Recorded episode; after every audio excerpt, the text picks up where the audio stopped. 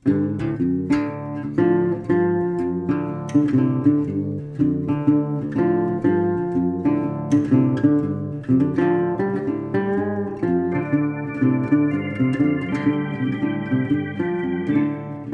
selamat datang kembali di podcast Keluar Rumah atau Keluar Rumah Podcast episode ke-28 untuk tanggal 15 November 2020. Eh, enggak deh, besoknya. Publishnya besok, Senin, tanggal 16 November 2020. Wah, gila ini uh, satu setengah bulan lagi kita meninggalkan 2020 2021 ke 2020 ini kita kayaknya cuma ngerasain bulan Januari, Februari, terus Maret beberapa hari kemudian setelah itu? Hmm, dunia yang lain. Sampai saat ini. Ya uh, saya cuman berharap kita semua tetap diberikan kesehatan baik kesehatan eh, lahiriah dan batiniah ya fisik dan mental. Ya terutama mental ya mental ini tidak kelihatan. Kelihatannya orang itu sehat. Padahal eh, dia mungkin memendam sebuah kesakitan memendam penyesalan atau memendam uh, kekhawatiran akan masa depan, penyesalan akan masa lalu, bahkan tidak mau menikmati saat ini. Ya, mari kita berdoa. Semoga kita masih bersyukur, masih mensyukuri karunia hidup ini dan ya kita masih ada di sini. Kamu masih bisa mendengarkan saya di podcast keluar rumah. Apa kabar? Semoga baik-baik saja semoga sehat-sehat saja. Uh, ya gimana? Setiap setiap hari ada tren baru di Twitter. Uh, ada jam baru. Bahkan ade Mang Oleh itu ade Londok ade Mang Oleh. Baru juga bulan September terkenal viral kemudian dapat tawaran undangan dari mana-mana dapat uh, apa? Tawa job job endorsement. Kemudian diwawancara Sule diwawancara Nikita Mirzani diwawancara Raffi Ahmad. Dan akhirnya puncaknya adalah mendapat peran di sebuah talk show televisi di stasiun televisi nasional. Tapi ternyata stasiun televisi nasional itu juga lah yang menghancurkan karirnya dengan sekejap mata ambiar kembali dan di akhirnya menyerah memilih untuk pulang. Ya ya gimana ya? Ya tolonglah TV nasional kalau mau kasih panggung ya kasih lah sama yang ya masa nggak tahu sih mana yang bagus mana jangan yang laku atau uh, viral instan doang yang diundang dong ah masih nggak mau mikir banget nggak mau mikir kreatif banget maunya uh, langsung jadi doang Mana sih? Oke. Hari Senin ini mungkin kalian ada yang benci hari Senin, I hate Monday. Ya, dulu juga saya begitu. Setiap hari membenci hari Senin, tapi pada saat ini saya menganggap semua hari sebagai hari yang sama, nggak ada hari libur, nggak ada hari biasa. Kayaknya sama aja. Bahkan nggak tahu kenapa malam Senin kalau dialami saat ini oleh saya terasa menyenangkan. Uh, nggak tahu kayak mau menyambut sesuatu hal baru aja. Kayak menyambut tantangan baru hari dalam hari-hari yang mendatang Senin sampai Jumat besok. Saya sangat bersemangat. Ya mudah-mudahan mudah-mudahan hal-hal baik akan senantiasa kita dapatkan ya termasuk untuk kamu. Uh, ya saya sebetulnya pengen bahas spesialis dan generalis ya. Sebenarnya saya keingetan hal ini lagi karena tadi saya melihat uh, pertanyaan di Quora ya yang muncul di home Quora Indonesia saya. Coba saya lihat bentar-bentar yang kemudian saya upload di IG story di akun Instagram saya at keluarga project kurang lebih begini yang memberikan jawaban namanya Mas Anton Jekonia terima kasih untuk Mas Anton sudah menginspirasi dan kemudian saya uh, share ulang di IG story saya. Sekali lagi thank you Mas Anton. Uh, jawaban Mas Anton itu begini. Indonesia cenderung berpikir seperti Amerika. Sekolah, lulus kerja di bagian teknis lima tahun. Habis itu menjadi manajemen, jadi manajer, habis itu jadi vice president, habis itu direktur, kemudian pensiun. Kalau bisa, ikut partai buat jadi DPR. Itulah karir di Indonesia. Tidak ada lulusan sekolah Indonesia yang bercita-cita menjadi pendayung seumur hidup. That's not a good career path. Kalau udah tua masih jadi programmer, jadi bahan bully.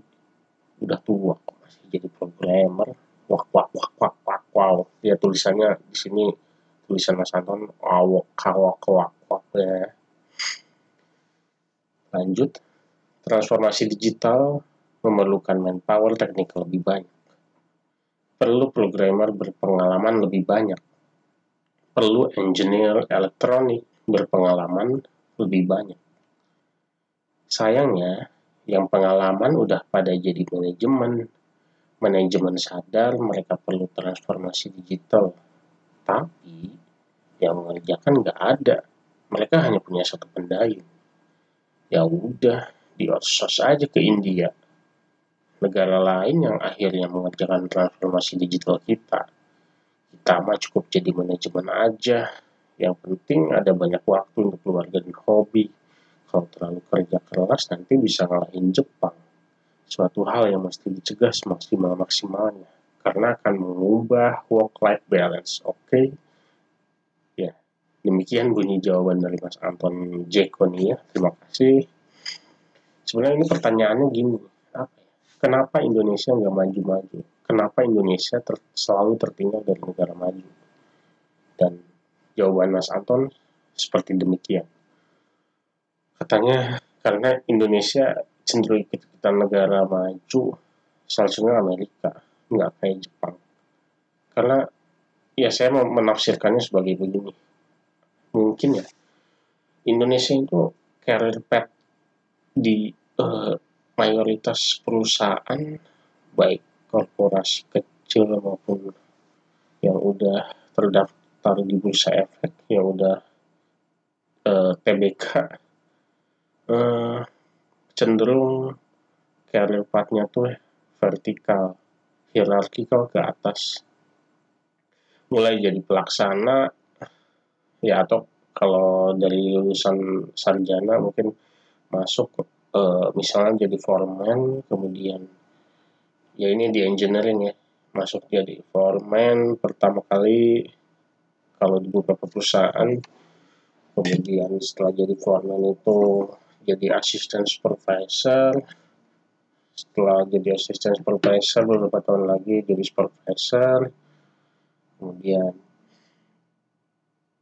uh, beberapa tahun kemudian kalau lancar jadi senior supervisor kemudian jadi kepala departemen naik lagi jadi manajer ya manajer dan kalau beruntung dan kalau mungkin uh, etnis kamu mendukung dalam tanda kutip sesuai dengan value-value uh, para pendiri perusahaan itu atau stakeholder perusahaan itu sesuai dengan value kamu biasanya kamu beruntung untuk diangkat menjadi direktur. Uh, ya begitulah. Uh, saya pernah beberapa beberapa kali kerja beberapa kali ya magang kerja di beberapa korporat mulai dari korporat kecil sampai menengah sampai yang lumayan besar. Uh, saya lihat sih cenderung vertikal ke atas uh, jarang banget yang horizontal. Artinya horizontal ini misalnya ya mungkin kayak ya kayak yang contoh tadi dari jawaban Korea tadi itu kalau di Jepang katanya uh, pimpinannya tuh cukup satu aja. Misalnya manajer tapi engineer-nya yang banyak engineer-nya banyak sehingga yang mikir banyak yang ngerjain banyak dan yang mikir solusi juga banyak sehingga segala permasalahan itu dikerjakan sama engineer yang berjumlah lebih banyak daripada pekerja-pekerja teknik ya pekerja teknik eh, di negara seperti Indonesia dan Amerika yang cenderung banyak manajernya atau cenderung banyak yang duduk di level manajerial. Uh, ya, jadi kalau uh, semua orang dikasih responsibility untuk atau job description sebagai engineer atau apa ya misalnya kalau di keuangan akuntannya lah. Akuntannya. Uh, jadi mereka tuh bertanggung jawab uh, dari mulai hal-hal teknis dari mulai uh, kalau tek kalau engineer itu mungkin dari mulai preventive maintenance dari mulai corrective maintenance mulai uh, sampai troubleshoot ya troubleshoot mesin hingga overhaul itu diurus sama engineer semua. Dan dikerjakan uh, kayaknya engineer-nya juga turun langsung. Dan uh, sehingga uh, uh, apa? Karena sifatnya horizontal yaitu melebar semua orang sama-sama bekerja dengan porsi yang sama.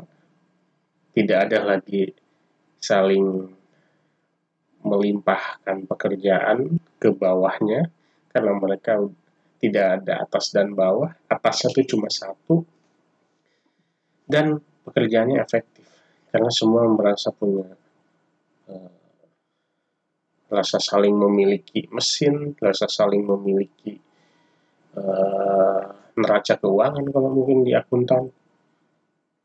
Uh, ya begitulah. Jadi dengan banyaknya yang mengerjakan, nggak ada lagi pekerjaan yang terbengkalai, nggak ada lagi atau uh, politik kantor itu cenderung minim karena ya kita sama-sama cari makan, kita sama-sama uh, mencari apa keefektifan pekerjaan sehingga selesai tepat waktu tidak lagi bekerja hanya untuk memuaskan big boss dan bawahnya lagi tidak hanya memuaskan manajer kemudian level tidak hanya memuaskan level supervisor sampai bawah level bawah pelaksana tidak hanya bekerja hanya bertujuan untuk memuaskan mandornya atau foreman demikian sampai outsource outsource-nya kontraktor kontraktornya tidak hanya bekerja untuk uh, pelaksananya. Kalau begitu, saya lihat hal yang terjadi jika organisasi begitu uh, melambung ke atas dan sekat-sekatnya banyak sekali, itu birokrasinya berbelit-belit bisa lintas divisi pun uh, saling lempar pekerjaan padahal sebenarnya itu bisa dilakukan oleh mereka. Tapi sekali lagi mereka merasa punya KPI masing-masing dan tidak mau mengerjakan yang akan membuat KPI divisi sebelah tidak eh, apa tidak mau mengerjakan pekerjaan yang membuat KPI divisi sebelah bagus. Pokoknya yang dipikirin KPI sendiri, divisi sendiri, untuk bosnya sendiri. Kalau kayak gitu, sebenarnya yang saya perhatikan sih uh, dari dulu ya udah pekerja-pekerja yang yang saya lihat atau yang saya amati skillnya bagus, attitude-nya bagus, rata eh, rata-rata nggak betah karena mereka harus belajar politik juga, harus belajar bagaimana memuaskan bosnya, bagaimana mengemas uh, asumsi mengemas alasan kepada bosnya, kemudian bagaimana mengemas uh, instruksi dari bosnya untuk disampaikan kepada pelaksana, tentu dengan bahasa yang lain yang sudah dibungkus. Coba bayangin kalau itu semua sifatnya horizontal atau work breakdown structure WBS wah kayaknya di situ kan nggak ada semuanya setara nggak ada uh, jenjang-jenjang jabatan atau strata-strata. Pasti uh, sebuah pekerjaan atau sebuah proyek uh, cenderung akan uh, dijalankan secara objektif semuanya memiliki rasa semuanya punya rasa memiliki terhadap proyek atau pekerjaan tersebut dan tidak ada lagi saling lempar tanggung jawab dari terutama dari level yang atas ke level yang bawah yang mengakibatkan uh, birokrasi panjang dan berbelit-belit dan pekerjaan malah nggak selesai-selesai karena politik kantor atau politik korporat. Di kebanyakan perusahaan di Indonesia dan di Amerika katanya. Ya memang mungkin efek samping dari keefektifan organisasi perusahaan-perusahaan di Jepang memang cenderung otoriter, cenderung satu komando, jarang tercipta komunikasi uh, dua atau tiga arah. Tapi selama uh, selama karyawan semua karyawan lapisan karyawan dari lapisan senior sampai junior terpenuhi secara lahir dan batin termasuk uh, gaji, tunjangan, bonus, THR dan lain-lainnya terpenuhi secara maksimal, saya yakin semuanya bakal eh, bakal punya rasa memiliki terhadap perusahaan tersebut. Semuanya bakal uh, timbul perasaan untuk ingin memajukan perusahaan tanpa disuruh, tanpa harus membuat aturan corporate culture atau branding-branding yang uh, menghabiskan budget itu untuk ya ya begitulah. Ribet banget ya sebenarnya simpel banget kok.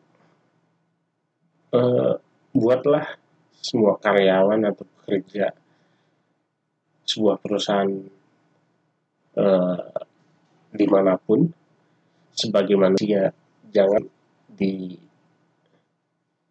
jangan diperlakukan seperti robot yang nggak ada hatinya. Jangan diperlakukan sebagai robot yang tidak bisa yang tidak bisa berkembang. Semuanya berkembang. Dan semuanya punya motif masing-masing punya visi masing-masing. Jadi ya seharusnya fasilitasi mereka dengan apa yang uh, mereka inginkan yang berhubungan dengan pekerjaan tentunya dengan pekerjaan masing-masing uh, agar cara kerja mereka dan uh, suasana kerja mereka setiap harinya nyaman uh, dan mereka nggak segan-segan untuk uh, nge-push kemampuan atau performa mereka sampai titik paling maksimum. Sehingga ya yang ngerasain juga perusahaan perusahaan juga kan yang ngerasain juga uh, hmm, bisnis dari sisi bisnisnya juga uh, kualitas produk yang bagus, hasil penjualan yang signifikan, uh, atau konsistensi hasil produksi, semuanya saya yakin kalau dari semua level dimanusiakan, pasti uh, hasilnya pun akan baik. Oke, kembali lagi ke awal tadi, spesialis atau generalis. Yang saya lihat kalau di kultur Amerika dan Indonesia cenderung generalis ya. Karena uh, misalnya kalau di apa ya? Kalau di kalau di teknik yang di perusahaan teknik tadi saya bilang itu ada foreman, ada supervisor, ada superintendent, ada dev head, sampai manager. Tapi yang seumur hidupnya mengabdikan dirinya sebagai misalnya sebagai uh, apa ya electrical instrumentation engineer. Dari lulus sarjana teknik sampai dia pensiun mengabdikan dirinya sebagai electrical engineer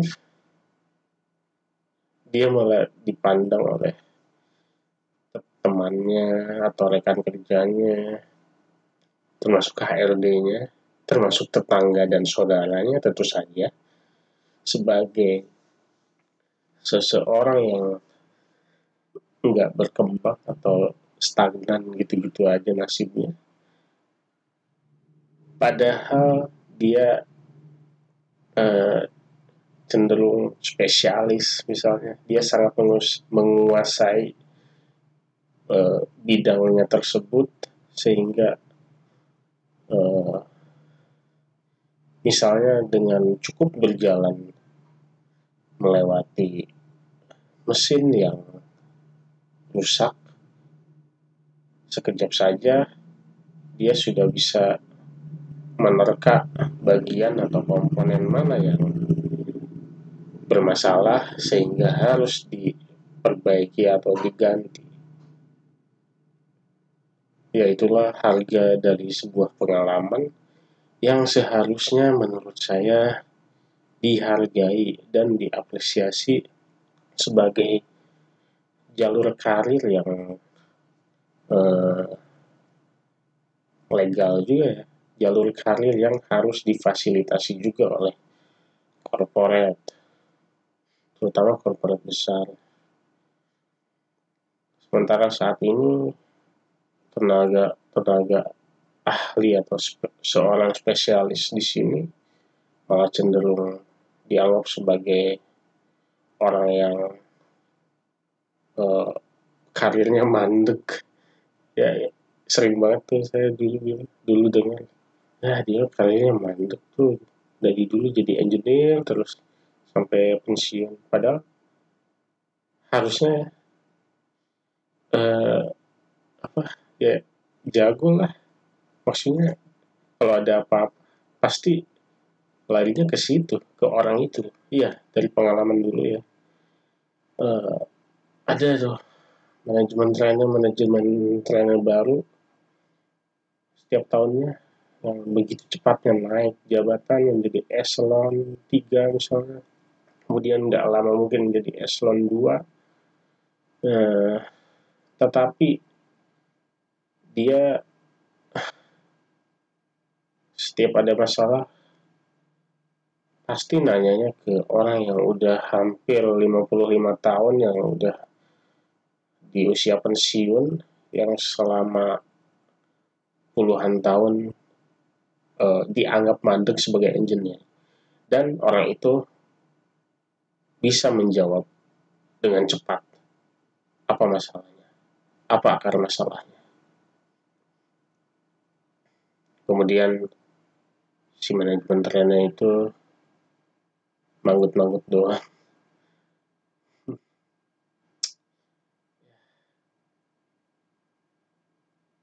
Ya seharusnya memang kita bisa memilih ingin menjadi spesialis atau generalis ya di negara ini. Tapi ya susah. Mau nggak mau ya kita jadi generalis dulu kayaknya. Mau mau jurusan apa aja yang kamu pilih di uh, kuliah kamu dulu?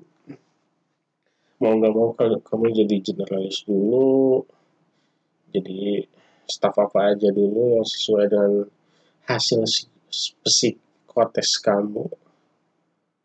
Kemudian hmm, kalau lima tahun kemudian katanya kalau kata Malcolm Gladwell setelah 10.000 jam seseorang itu baru bisa uh, mencapai titik uh, titik apa ya, titik dia menjadi seorang ahli uh, dalam mengerjakan sebuah pekerjaan. Ya itu menurut Gladwell ya kalau saya sih nggak tahu juga sih. Ya misalnya kalau udah lima tahun oke. Okay. dia bisa memilih dia cocok di mana barulah dia seharusnya uh, ingin menspesialisasikan dirinya di bidang apa. Ambil lah seharusnya ambil. Karena itu bakal menentukan arah karir kamu supaya nggak terombang ambing sama manajemen nggak terombang ambing sama uh, apa? Fucair lah ya fucair volatility uncertainty complexity, ambiguity, ya, future era, so, uh, era yang nggak pasti, yang sempat dipopulerkan dari tahun 2018 dan di zaman corona ini ternyata malah makin parah, makin uncertainty dan ambiguity. Uh, kemudian uh, ya generalis dulu kemudian kalau udah lima tahun kamu sebenarnya harusnya udah tahu kamu spesialis di mana dan pilihlah karir itu tekuni uh, sampai ya spesialisasi itu adalah pekerjaan yang menurut saya sebuah pekerjaan yang kalau sampai kamu pensiun pun kamu masih pengen ngerjain hal tersebut dan masih bisa dikerjain. Ada nggak ya? Ya ada kali.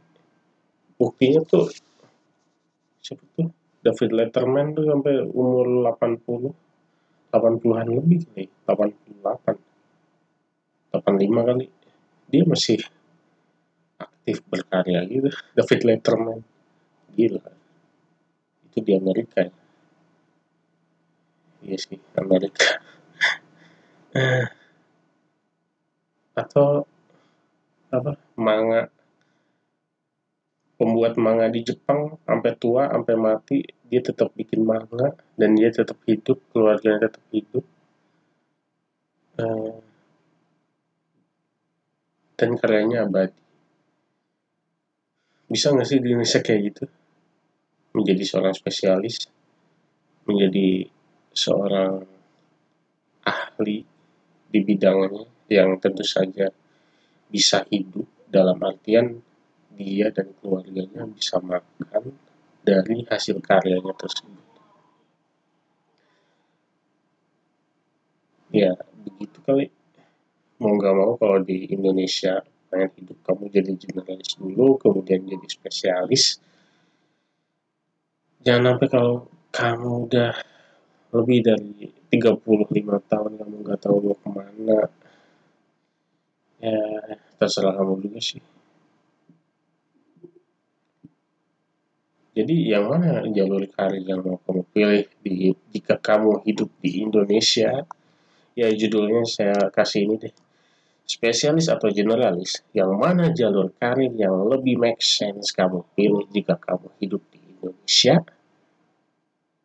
Ya sengaja saya kasih uh, judul yang ribet dan menggunakan kalimat yang tidak efektif yang kebanyakan kata yang karena memang berkarir di Indonesia atau di negara berkembang atau alias emerging market yang sangat bergantung kepada Amerika Serikat ini susah banget.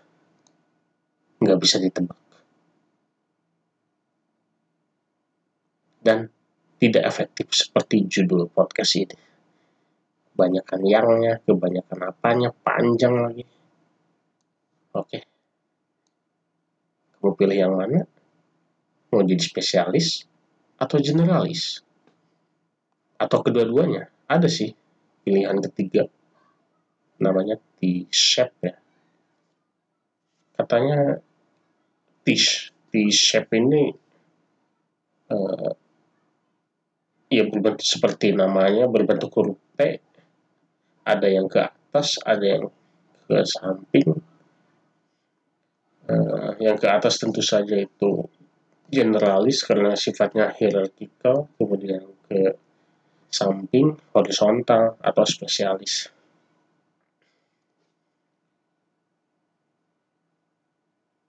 Kalau saya kayaknya pilih spesialis yang setiap harinya belajar hal-hal baru seolah-olah seperti seorang generalis tapi saya tetap di jalur spesialis. Mudah-mudahan saya tetap di trek yang benar. Menurut saya, di trek yang benar menurut saya belum tentu bagi orang-orang. Ya, kita akhiri saja podcast episode ke-28 dengan judul spesialis atau generalis yang mana jalur karir yang lebih make sense kamu pilih jika kamu hidup di Indonesia. Terima kasih sudah mendengarkan. Jika kamu suka dengan konten podcast keluar rumah episode 28 kali ini, uh, silakan untuk di-share di IG story masing-masing ya, tentu saja IG story masing-masing dengan jangan lupa tag at keluar rumah project uh, biar ketahuan gitu. Uh, kalau konten ini di-share kalau konten ini ternyata ada yang dengerin juga. Terima kasih sekali sudah mendengarkan. Selamat hari Senin, selamat bekerja, selamat berkarya. Uh, kalau ada pertanyaan, boleh langsung DM saya di at keluar rumah project di Instagram atau ke email vakansi.net gmail.com saya ulang lagi ke email vakansi.net at gmail.com terima kasih. Uh, selamat pagi dan sampai jumpa lagi. Bye